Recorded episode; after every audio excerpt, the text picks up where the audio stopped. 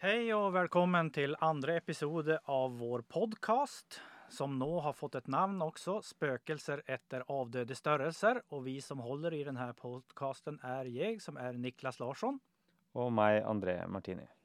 Ja, spöker efter avdöde störelser, det kan man ju lura på vad man har fått eh, det namnet från. Men eh, det är inspirerat av en kritik till eh, Newton han begynte att snacka om något som heter fluktioner som vi inte ska gå in närmare på. Det är 1600-tal detta. Nej, 1700-tal var det när eh, detta kom. Eh, och eh, då var det en filosof, tror jag han var, George Berkeley, som kritiserade fluktionerna här. Det är ju på någon måte oändligt små kvantiteter och eh, stilte spörsmålet då Aren't these just ghost of departed quantities? Och det har vi då prövat att översätta till spökelser efter avdöde störelser. Men vi tänker väl inte gå närmare in på det. Och Newton kunde faktiskt inte svara på, på det som Berkeley sa. Vet du varför? Mm, nej. nej, Newton var allerede död. Eh, han dog, döde eh, sju år tidigare än vad den här The Analyst som Berkeley skrev då kom ut. Så det var för sent för att ja. försvara sig. Men det visade sig väl att uh, Berkeleys kritik då, själv om Newton gjorde mycket nyttigt så låg det en del i den. Mm. Har du mm. hört något om det? Ja, det, ja, det är väl mycket av det vi, jag vet inte om vi nämnde något i förra episoden, men det här med Cauchy som kom in och formaliserade ting, men McLaurin i alla fall var väl inom som vi ska se på senare i kursen och och måste rydda upp i en god del. Man kan ja, ifølge en av mina tidigare vägledare på Stockholms universitet så eh, måtte McLaurin då när han ska gå in på Taylor-utveckling som vi kommer till i uke 40. Han måste gå tillbaka till antikens matematik för att tätta de här, en del av de här hullen. Så det var lite i kritiken med de här spökelserna, men Newton gjorde ju självföljeligt mycket nyttigt också. Och vad ska vi snacka om i den här episoden? Jo, eh, vi ska väl nämna lite varför episoden kommer så sent att börja med, men efter det så ska vi väl snacka lite om, om eh, den deriverade och, och lite om inversfunktioner ska vi kanske komma till, eller? Och vad är det egentligen som gör då att episoden kommer så pass sent? Du har ju haft bursdag, men det är väl inte orsaken? Den bursdagen har inte så mycket med det att göra, men eh, nej, jag har ju disputerat och har fått en doktorgrad i ren matematik nu. Ja, så gratulerar med det. Det är stort. Det är också institutets första, icke första doktor. Vi har ju andra som allerede är doktor i matematik, men som har disputerat på institutet. Så gratulerar verkligen med det. Det var på fredagen. Och du måste ju förbereda dig till det, men du hade också lite sår hals och det är ju inte någon succé då att komma till campus i Nej, då blir det ju bättre med att hålla hemma så då gör jag det. Ja, så då väntar vi heller med det till den här uken då. Eh, det är ju tre veckor sedan vi spelade in förra, förra episoden och själv om den inte kom ut som äkta podcast så har den ju varit publicerad i Canvas då för er som är studenter i kalkylus. Men eh, nå kommer den i vart fall då. Och den deriverte, vem var det som begynte med det? Nej, det är väl, eh, de snackar väl om både Newton och Leibniz som de som kikade väldigt mycket på det här i starten. Um, så Ja, jag vet inte hur mycket vi ska gå in på. Det historiska är väl kanske inte väldigt viktigt, men vad, har, vad, vad handlar den deriverte om? Det handlar ju om att sant, prøve å, å lage någon mening av detta med, Noen ganger säger vi momentan endring av fart som på en måte ger väldigt lite mening, för att endring av något bör ju egentligen tilsi att du har två olika, alltså du har något att sammenligne för att kunna säga att något har ändrat sig. da. Men, eh, men det är ju en måte att ge mening till, till på en måte ändring i fart i nöjaktighet punkt kan man tänka sig. Och det blir ju en också intuitiv förståelse för detta. Visst man tänker att man går eh, längs en väg som eh, är lite kuperat så följer vi ju om det är större stigningstal eller mindre stigningstal om det häller uppover eller nedover. Och, mm. Och det hänger ju samman med den deriverte då, i vart fall visst den här kuperingen är lite snill så att det inte är något hack i den. Mm. Eh, ja, det, jag har faktiskt fått ett spörsmål om detta ett eh, tidigare år i kalkylus att eh, man snackar om det här hastigheten eller farten i, i ett, vid ett speciellt tidspunkt. Och är icke farten null då? vid ett speciellt tidspunkt tidpunkt är ju ja, på en måte låst. Mm. Ja, och det är väl kanske lite av den här, Det som inte är så intuitivt med de här her, när vi börjar snacka om ändring i ett i ett nøyaktig et punkt, da. Um, Men det vi gjør når vi ser på eh, den deriverte, da, er jo å se på uendelige små intervaller, kan man vel si. Så det Mm. blir jo Teorien sier at det er i et punkt, men for å få noen, noen mening med dette, så ser vi jo på egentlig da eh, delta y delt på delta x, eh, omtrent som vi gjør når vi ser på stigningstallet til en linje. mm. Og så gjør vi dette på veldig lite intervall, og da blir det i prinsippet det samme som Ja, og det er jo der det, det her med at vi har, måten vi har definert eh, den deriverte på med den grensa, så er det jo det at det stemmer overens med det her grensekonseptet, da. At du får faktisk en meningsfull verdi når du, når du går mot da. Og da blir det meningsfullt å si at eh, stigningstallet til tangenten er eh, det samme som den deriverte i det punktet. Mm. Hva finnes det for praktiske anvendelser til dette? Det er vel typisk fysikk eh, er vel det første som slår meg, i hvert fall. Det med kanskje fart, som vi har snakka om, og strekning og, og akselerasjon, da. Som, Ja, man, eh, endring av eh, strekning blir jo hastighet. mm, Og endring av hastighet blir eh, akselerasjon. Og da kan hastighet og akselerasjon kan være både positiv og negativ fordi at man må ha definert en rett, positiv retning for den her tilbakelagte strekningen og, og så videre. mm, Og det her er jo også noe som eh, eh, I matematikken blander vi vel språket litt, men forskjellen mellom fart og akselerasjon, det må man vel nesten være fysiker for å, å eh, gi en mening. Men eh, fart er vel alltid et eh, tall og, og, som er positivt, tenker jeg. ja, det høres meningsfullt ut. Og, Nå er ikke jeg noen fysiker heller, da. Så. Nei, men, men eh, man pleier vel å si at fart er rett og slett eh, størrelsen av den her bevegelsen, men eh, hastigheten, da er det, det er en vektor da, som forteller både om hvor stor farten er og i hvilken retning det går. Mm. Og da kan det jo da selvfølgelig bli negativt hvis vi tenker at vi ja, rygger, Ja. så blir det negativt. Mm. Sen kan man selvfølgelig ha dette i flere dimensjoner også, at man beveger seg på en flate eller i rommet, men da blir det litt mer avansert. Mm. Ja, hvordan er det da med funksjoner? Er alle funksjoner deriverbare? Ja, det er jo egentlig et eh, ganske godt spørsmål. Og jeg tenker det er jo noe man kan se på når man eh, Hvis vi går inn på den her eh, intuisjonen vi har av, av den deriverte, at det skal være stigningstallet til tangenten til en funksjon, så kan vi jo begynne å undersøke det litt sånn eh, bare ved å tenke på det på den måten. Og så tenke Vil alle funksjoner være sånn at du kan legge en, en, da, en blyant, hvis vi tenker på eh, på det som noe mer fysisk, den funksjonen. da. Eller en linjal? Ja, Som da blir liggende inntil eh, grafen i ett punkt, og kun kan ligge på nøyaktig én måte inntil den grafen. da. Ja, och visst vi då har en graf då som är en kurva som är glatt, som det väl egentligen heter, men vi tänker att den är myk, att den krummer lite pent, så, så är ju detta alltid möjligt. Vi, kan, eh, vi kan lägga linjalen på, på nöjaktig en måte, så att den följer grafen. Visst, vi tänker att grafen kanske är lagad av, av trä. Det är lite vanskligt att tänka det, men, men, men då går det att lägga linjalen på nöjaktig en måte där och att den ska vara tangera i ett spesielt punkt. Mm. Eh, og, men kan, kan dette gå feil? Da? Selvfølgelig kan det jo gå feil hvis eh, vi har en diskontinuerlig funksjon, så at det blir da et sprang på Mm. en måte. Eh, da er er trappetrinnsfunksjon. Ja. Den er jo ikke deriverbar i trappetrinnene. Eh, der heller den jo eh, loddrett og vertikalt, så at eh, der eksisterer jo rett og slett ikke den deriverte. Men andre ty, hva, hva kan ellers gå galt?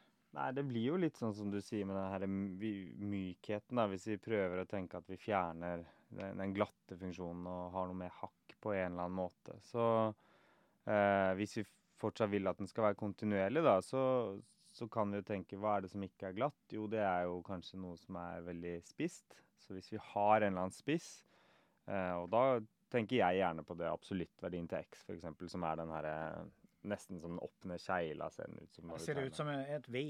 Ja, bokstaven V omtrent, ja, kan, kan man väl säga. Och, eh, den är då icke deriverbar i Origo där i den spissen. Eh, hvordan kan vi tänka där med tangenter och varför är den icke deriverbar? Varför kan vi icke lägga linjalen Mm. där? Så, så vi kan jo legge en linjal der, som er et viktig punkt å legge merke til. Men, men eh, det er jo mulig hvis du i den spissen i veden, eh, så har du mange forskjellige retninger du kan legge eh, en linjal inntil, og likevel tangere det punktet. Mm. Så det er der vi får det problemet at hvis denne intuisjonen vår fortsatt gir mening, så bør det være noe galt med, med denne grenseverdien som vi har definert den deriverte til å være. Da. Ja, eller om vi prövar att se på stigningstalen när vi går in mot Origo på absolut värdifunktionen så, och lägger linjalen på den måten så kommer vi att få två möjligheter. Ja. Vi kommer att kommer vi från vänstre så, så blir det stigningstal minus en och kommer vi från höjne så är det stigningstal plus en och då är det olika stigningstal avhängigt av från vilken rättning vi kommer och, och det är lika hvis vi snackar om deriverbarhet. Nei. Og det sier jo også litt om at det må være noe galt med grensa, tenker jeg, hvis vi skal prøve å tenke litt formelt på det. da. Så det- där har vi två olika saker som gör då att en funktion icke deriverbar. Det ena är att det rätt och slätt är ett språng och det andra är att det är ett eh, icke ett hack men en spiss i, i funktionen, då en knäck kan man väl också kalla det för. Så själv om en funktion är kontinuerlig så tränger den alltså icke vara deriverbar. Nej. Eh, Vadan med en deriverbar funktion då tränger den att vara kontinuerlig? Ja, eh, og hvordan Nå har jeg ikke tenkt på noen kjempegode eh, eksempler på hvorfor det er sånn, men, men der tenker jeg litt det samme med den her eh, linjalen som du legger inntil og. Det blir ju lite mer eh, att man får se på en utledning av det så, som icke passar så väldigt bra i en podcast. For men, jeg tenker argumentet er vel egentlig ikke så vanskelig når du bruker den rene definisjonen, men, men å, å ta det her på en podkast blir nok kanskje litt, eh, ja, men vi litt for får väl tungt. hänvisa till eh, passande litteratur i kalkylus. Men det är alltså så att viss en funktion är deriverbar i ett punkt så är den också kontinuerlig i det punktet. Och är den då deriverbar för alla x är den självföljande kontinuerlig för alla x också. Mm. Derivation har vi då, eh, men det finns ju antiderivation också. Vad, vad, tränger man det till? Nei, eh, det eh, er jo selvfølgelig litt eh, på en måte det motsatte, da, kanskje, av hva vi trenger derivasjon til. Så ønsker vi å finne eh, Eh, hastigheten til en funksjon, eh, så vil vi jo gjerne kanskje derivere hvis vi kjenner til strekningsfunksjonen. Mens eh, hva hvis vi nå ønsker å gå andre veien? Jo, da viser det seg jo at vi kan antiderivere eh, en hastighetsfunksjon for å få en strekningsfunksjon, f.eks. Så man kan vel si at de henger vel litt sånn sammen hånd i hanske, at eh, den ene er litt på en måte det motsatte av, det andre. Ja, och det, jag har hört någon gång eh, när man snackar om eh, funktioner och inversa funktioner och eh, när man faktoriserar ett uttryck och, och därefter slår det samman att varför tränger man alla dessa sakerna? Men det är som går man ut på tur och har ett kart som visar var man kommer från hem till ett speciellt mål. Då är det väldigt bra att ha ett kart som man kommer hem också. Ja.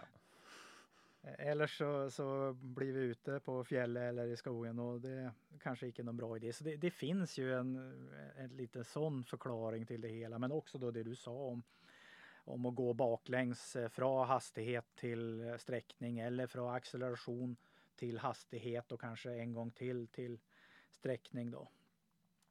Vi har ju också det här begreppet eh, som hänger samman med antiderivation som heter ubestämt integral. Vad tänker du om det?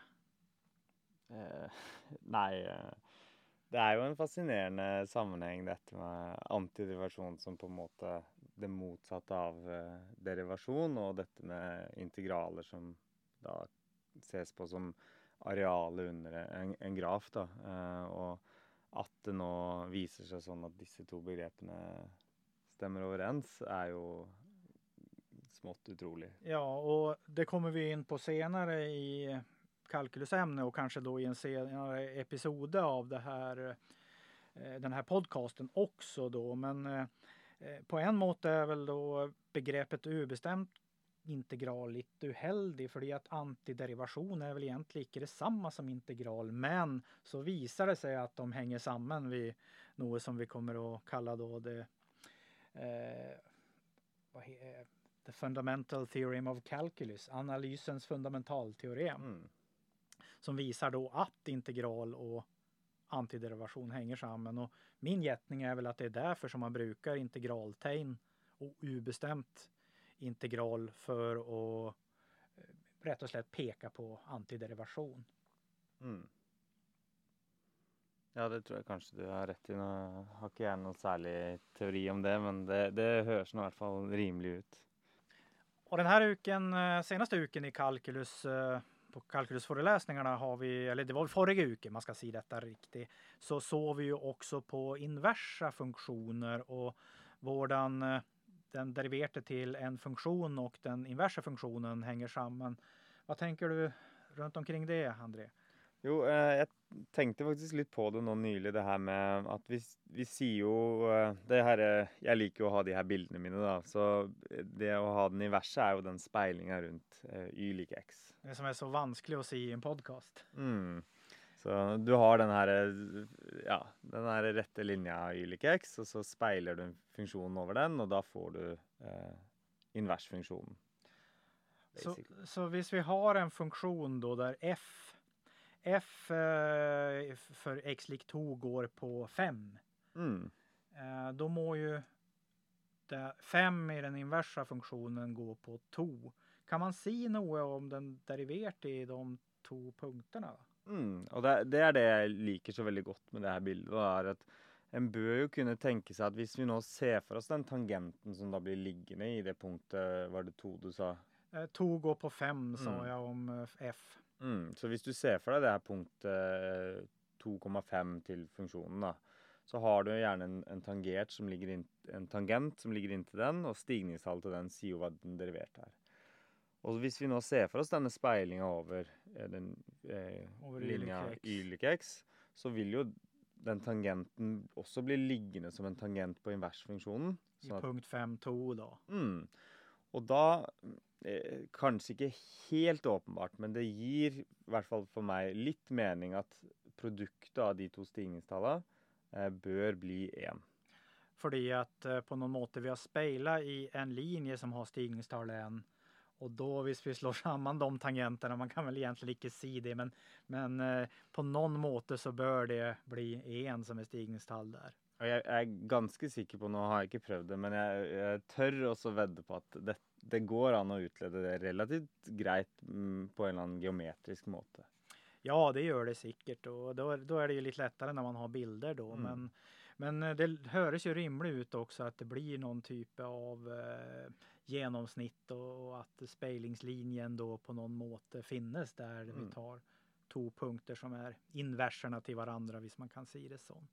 Så är det ju det. Det visar sig ju att att bruka implicit eh, derivation är en väldigt effektiv måte för att visa den sammanhangen. Där. Jag vet inte om ni har gått igenom det nu? Jo, vi har gått igenom mm. implicit derivation och, och sett lite på det och, och det kommer ju att komma mer. I, idag såg vi på det med eh, där man kan visa den deriverade till eh, lnx eh, med hjälp av implicit derivation. Och vi kommer väl att fortsätta med eh, till Arcus-funktionerna också för att finna de deriverade till dem. Så mm. implicit derivation det har vi brukt en del. Mm. Först då för att finna tangenter till eh, grafer som har en likning där det inte är så lätt att lösa för y och nå idag då med att finna mm.